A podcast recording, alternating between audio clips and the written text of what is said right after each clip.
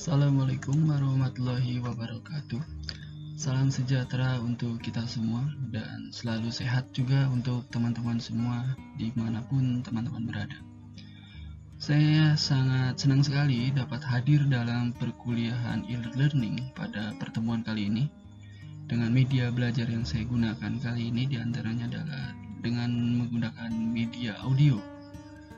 Bersama saya Hendra Hermawan, pengampu mata kuliah Pendidikan Kewarganegaraan. Dalam waktu yang singkat ini, saya akan menjelaskan kepada teman-teman pembahasan materi, hak dan juga kewajiban Tentunya materi ini akan sangat berguna untuk membantu teman-teman lebih memahami konsep hak dan juga kewajiban warga negara yang dimiliki oleh teman-teman sebagai warga negara. Dan di akhir pertemuan nanti diharapkan teman-teman semua bisa menguasai dan juga mengimplementasikan materi hak dan juga kewajiban warga negara dalam kehidupan bermasyarakat nanti dalam kehidupan negara dan sambil menyimak pemaparan materi hak dan juga kewajiban bisa sambil melihat bahan tayang yang sudah disediakan pada uh, Google Classroom yang sudah diupload. Mari kita masuk saja ke bahan kajian dalam pembahasan materi kita hari ini. Di antaranya hubungan negara dan juga warga negara itu menjadi pembahasan pertama. Terus yang kedua itu ada peranan warga negara itu seperti apa di dalam konsep bernegara terus juga yang ketiga ada hak dan juga kewajiban warga negara itu seperti apa ruang lingkupnya dan yang terakhir ada dinamika dan tantangan pelaksanaan hak dan juga kewajiban warga negara. Sebelum masuk lebih jauh di dalam pembahasan kita kali ini, mari kita cermati dulu konsep warga negara itu sebenarnya seperti apa. Di dalam pengertiannya, warga negara atau citizen itu adalah suatu warga di dalam sebuah negara yang ditetapkan berdasarkan peraturan perundang-undangan. Di dalam konstitusi kita ada di pasal 26 di ayat 1 Undang-Undang Dasar 1945 yang berbunyi di antaranya warga negara Indonesia adalah orang-orang bangsa Indonesia asli dan orang-orang bangsa lain yang disahkan dengan undang-undang sebagai warga negara dan diperkuat juga dengan Undang-Undang Nomor 12 Tahun 2006 tentang kewarganegaraan Republik Indonesia. Di slide selanjutnya, di sana ada tayangan, di antaranya ada lima pemain timnas yang terdiri dari warga naturalisasi atau negaraan. Yang pertama dari sebelah kiri ada Tony Herikusel dari Belanda, terus juga ada Stefano Lillipali dari Belanda, terus ada Craig Duokolo asal Nigeria Johnny Van Bukring dari Belanda dan Victor Ikoniko dari Nigeria mereka adalah pemain dari proses naturalisasi atau pewarganegaraan nanti juga kita akan membahas mengenai hal tersebut.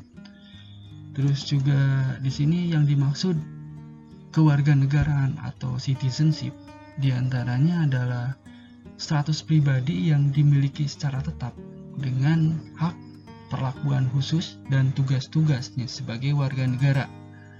Dan segala mengenai warga negara itu yang berhubungan mengenai warga negara telah diatur di dalam Undang-Undang Nomor 12 Tahun 2006. Pada pembahasan asas kewarganegaraan, kita mengenal ada tiga asas kewarganegaraan. Di antaranya yang pertama ada asas kedaerahan atau wilayah yang dikenal dengan asas ius soli. Terus juga ada asas keturunan yang kita kenal dengan asas ius sanguinis. Serta yang terakhir ada asas kedaerahan dan juga atau wilayah dan juga keturunan yang disebut juga dengan asas campuran. Mari kita membahas satu persatu. Di antara yang pertama, asas ius soli atau asas hak untuk wilayah. Di antara di sini adalah hak untuk mendapatkan kewarganegaraan yang bisa diperoleh oleh seorang warga negara berdasarkan tempat lahir dia di mana atau di wilayah mana dia dilahirkan. Terus yang selanjutnya ada asas sanguinis atau asas keturunan di mana di sini ada hak kewarganegaraan yang diperoleh seseorang individu berdasarkan uh, kewarganegaraan ayah atau ibu biologisnya. Dan yang terakhir ada asas campuran di mana hak kewarganegaraan bisa diperoleh dari asas keturunan dari orang tua biologisnya warga negara mana dan juga bisa memilih dia akan menggunakan uh, asas wilayah sebagai uh, kewarganegaraan. Dan selanjutnya di dalam asas kewarganegaraan Indonesia kita mengenal ada beberapa asas kewarganegaraan. Yang pertama kita tadi sudah membahas mengenai asas ius sanguinis yaitu asas dari keturunan. Terus juga ada asas soli terbatas. Kita juga mengenal mengenai asas logis asas soli terbatas. Dan juga yang selanjutnya ada asas kewarganegaraan tunggal di mana seorang warga negara Indonesia tidak boleh memiliki status warga negara ganda dan apabila pun e, diharuskan seorang warga negara itu memiliki kewarganegaraan ganda maka ditetapkanlah ada yang namanya uh, warga negara dengan status uh, ganda terbatas dengan penjelasan bahwa kewarganegaraan ganda terbatas adalah asas yang menentukan kewarganegaraan bagi seorang anak sesuai dengan ketentuan yang diatur dalam undang-undang. Bila dikasih contoh di sini bahwa seorang ada sebuah kasus seorang anak lahir mempunyai dua kewarganegaraan atau bipatrid, maka anak tersebut boleh memilih dua keluarga negaraan itu sampai ke umur 18 tahun. Nah, di umur 18 tahun ini dia harus memilih dia mau berkeluarga negaraan mana misalkan warga negara Indonesia ataupun e, memilih warga negara luar dari Indonesia. Yang penting harus memilih satu kewarganegaraan. Terus selanjutnya mengenai perolehan kewarganegaraan dari seorang warga negara, ada beberapa cara. Di antara yang pertama ada dari kelahiran atau Yusoli atau by birth, terus juga ada by descent dari keturunan dan sanguinis.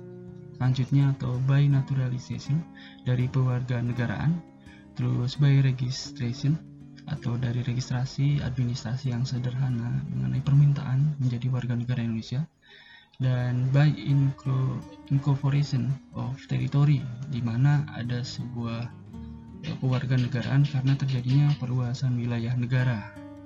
Dan di dalam persoalan kewarganegaraan terjadi dua persoalan kewarganegaraan. Di antara yang pertama ada bipatrid di mana kondisi ada seorang warga negara memiliki dua kewarganegaraan dan sebaliknya ada apatrid atau di mana seorang warga negara tidak memiliki kewarganegaraan. Mari kita membahasnya satu persatu. Yang pertama persoalan mengenai bipatrid atau munculnya dua kewarganegaraan pada satu warga negara. Kondisi ini terjadi karena seorang ibu yang berasal dari negara yang menganut asas ius sanguinis, itu asas keturunan, melahirkan seorang anak di negara yang menganut asas ius soli atau wilayah. Jadi melekat pada anak tersebut dua keluarga negaraan sekaligus. Terus kasus selanjutnya di antaranya kasus di mana ada seorang anak tidak mempunyai keluarga negaraan atau disebut juga dengan apatrid terjadi karena seorang ibu yang berasal dari negara yang menganut asas soli atau dari wilayah melahirkan seorang anak di negara yang menganut asas sanguinis atau keturunan. Jadi status dari anak tersebut itu tidak memiliki kewarganegaraan. Di dalam warga negara juga pemerintahan melekat di sini saling berhubungan ada perspektif hukum, terus juga ada politik, kesusilaan dan juga kebudayaan. Mari kita membahas satu persatu. Di antaranya yang pertama adalah perspektif hukum. Bahwa didasarkan pada konsepsi warga negara, di sini warga negara adalah seluruh individu yang mempunyai ikatan hukum dengan suatu negara. Jadi eh, seorang warga negara itu harus tercatat dan juga secara resmi ada di bawah naungan hukum eh, suatu negara. Terus juga yang selanjutnya dalam perspektif politik bahwa dalam hubungan adanya negara dan juga warga negara di sini eh, warga negara adalah anggota suatu masyarakat politis yang digambarkan oleh seperangkat hak dan juga kewajiban itu menurut Haywood. Dan di sini hubungannya dalam negara dan juga pemerintah menjalankan tugas-tugas negara. Sebab negara itu adalah alat dari sekumpulan manusia yang merupakan rakyat negara untuk mencapai tujuan negara. Jadi sama-sama untuk mencapai suatu tujuan ya dalam perspektif politik Terus selanjutnya ada di sini perspektif kesusilaan dan juga kebudayaan bahwa dalam meninjau hubungan antara warga negara dan juga eh, pemerintahan atau negara dan untuk menilai tindakan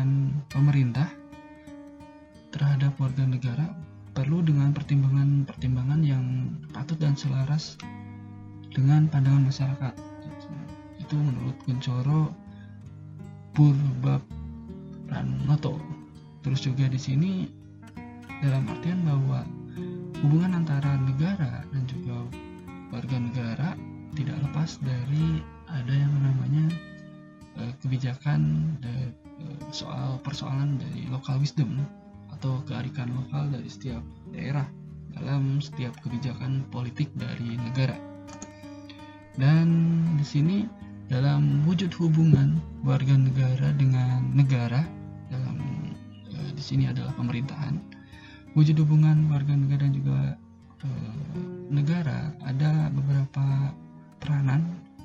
Yang pertama di sini ada yang perannya bersifat pasif, aktif, dan juga positif dan juga negatif.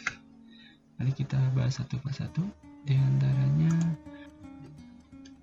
ada peranan warga negara di dalam negara yang sifatnya pasif di sini merupakan cerminan dari seorang warga negara yang menerima dari setiap uh, kebijakan yang dikeluarkan oleh pemerintah.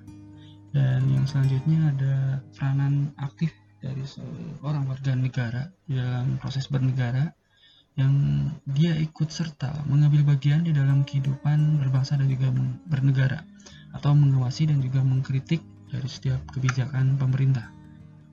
Terus selanjutnya ada peranan warga negara yang lain, di antara ada peranan positif, yaitu e, merupakan aktivitas warga negara yang meminta pelayanan dari negara atau pemerintah karena e, masyarakat atau warga negara itu e, tahu bagaimana e, fungsi dari negara itu mempunyai fungsi yaitu sebagai pelayan umum atau public service. Dan juga yang selanjutnya ada peranan negatif dari seorang warga negara di mana e, warga negara ini menolak campur tangan dari pemerintah kepada persoalan-persoalan yang melibatkan dari persoalan pribadinya. Nah, itu peranan warga negara yang sifatnya negatif. negatif. Terus selanjutnya dari peranan warga negara di dalam e, negara e, di dalam kehidupan kenegaraan yang pada prinsipnya, wujud dari peranan warga negara itu meliputi yang pertama di sini ada hak dan juga kewajiban sebagaimana yang ditentukan di dalam konstitusi agar setiap warga negara mengikuti rule of law di dalam kehidupan negara. Terus juga perilaku yang sesuai dengan nilai kesusilaan dan juga kebudayaan yang dianut di dalam masyarakat atau lokal wisdom. Terus juga perilaku yang dianggap layak menurut layak keilmuan serta sesuai dengan harapan di masa depan. Antara itu adalah berapa peranan warga negara dalam wujud peranan warga negara dalam kehidupan bernegara yang semuanya itu menuju kepada untuk membentuk warga negara yang baik. Selanjutnya kita masuk ke dalam materi hak dan juga kewajiban warga negara di dalam konstitusi. Karena di dalam konstitusi kita atau di Undang-Undang Dasar 1945 cara membuat hak dan juga kewajiban warga negara. Mari kita cermati dulu dari hak uh, warga negara. Dari slide yang sudah kalian dapatkan di sana ada beberapa contoh. Misalkan seperti ada foto dua tokoh di sini ada Bob Mina dan juga Gayus Tambunan. Dan di sini sama-sama pencurian tapi berbeda kasus. Nah di sini bisa dilihat bahwa ada hak warga negara untuk memperoleh kedudukan yang sama di dalam hukum dan pemerintahan. Itu ada di pasal 27 ayat 1 terus juga ada hak atas pekerjaan dan penghidupan yang layak di pasal 27 ayat 2 serta hak ikut serta dalam upaya pembelaan negara di pasal 27 hmm, salah satunya e, untuk membela negara itu suatu hak dan juga kewajiban warga negara. Terus selanjutnya ada hak berserikat berkumpul dan juga mengeluarkan pikiran ada di pasal 28 terus juga ada hak untuk ikut serta dalam pertahanan dan juga keamanan negara. Terus juga ada hak untuk mendapatkan pendidikan itu ada di pasal 31 ayat 1 terus juga ada hak untuk mendapatkan kesejahteraan sosial itu ada di pasal 33 Undang-Undang Dasar 1945 ayat 1, 2, 3, dan juga 4. Lalu selanjutnya ada hak untuk mendapatkan jaminan keadilan sosial ada di pasal 34 ayat 1, 2, dan juga 3. Serta di sini eh, masuk selanjutnya ke dalam kewajiban warga negara. Tadi kita sudah membahas mengenai hak hak warga negara sini juga ada kewajiban-kewajiban warga negara yang harus dilakukan oleh warga negara. Yang pertama di sini ada wajib mentaati hukum dan juga pemerintahan. Itu ada di pasal 27 ayat 1. Terus juga di sini warga negara juga wajib ikut serta di dalam upaya pembelaan negara ada di pasal 27 ayat 3.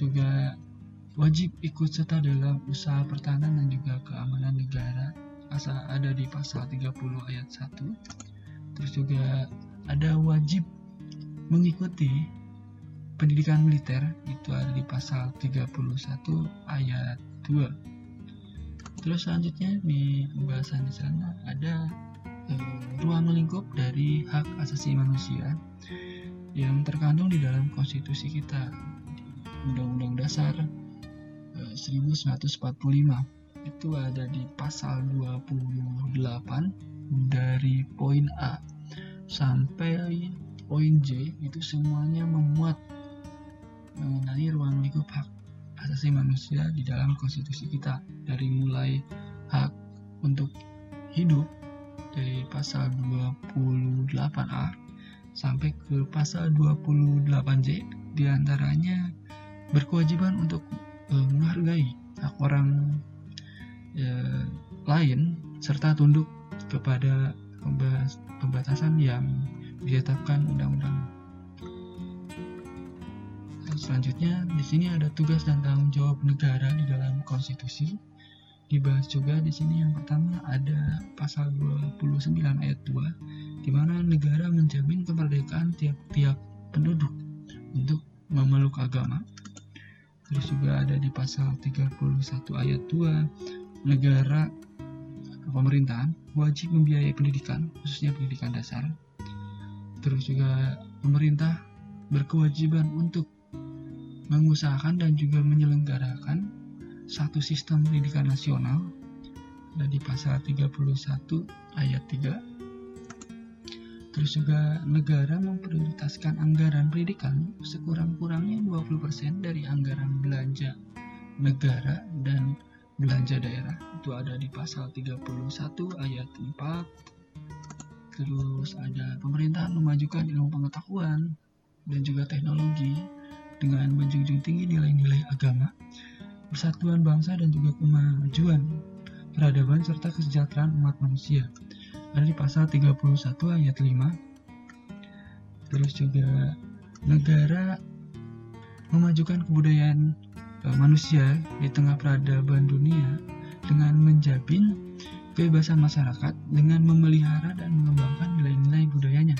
Ada di pasal 32 ayat 1 dan juga di sini negara menghormati dan memelihara bahasa daerah sebagai e, kekayaan budaya nasional ada di pasal 32 ayat 2. Kemudian eh, negara menguasai cabang-cabang produksi terpenting bagi negara dan menguasai hidup orang banyak di pasal 33 ayat 2. Kemudian negara menguasai bumi, air dan kekayaan alam demi kemakmuran rakyat ada di pasal 33 ayat 3. Negara berkewajiban memelihara fakir miskin dan juga anak-anak terlantar itu ada di pasal 34 ayat 1 dan negara mengembangkan sistem jaminan sosial bagi seluruh rakyat dan memberdayakan masyarakat yang lemah dan tidak mampu sesuai dengan martabat kemanusiaan. Dari pasal 34 ayat 2 dan yang terakhir negara bertanggung jawab atas persediaan fasilitas pelayanan kesehatan dan fasilitas pelayanan umum yang layak ada di pasal 34 ayat 3. Demikian pembahasan mengenai materi hak dan juga kewajiban warga negara. Untuk selanjutnya silahkan cermati di Google Classroom telah diupload materi, narasi dan juga bahan tayang dari pembahasan kita kali ini serta ada forum diskusi dan kuis untuk diisi dan juga didiskusikan bersama di dalam uh, perkuliahan e-learning yang kita lakukan. Dan sebagai penutup, tetap jaga kesehatan, tetap produktif. Wassalamualaikum warahmatullahi wabarakatuh.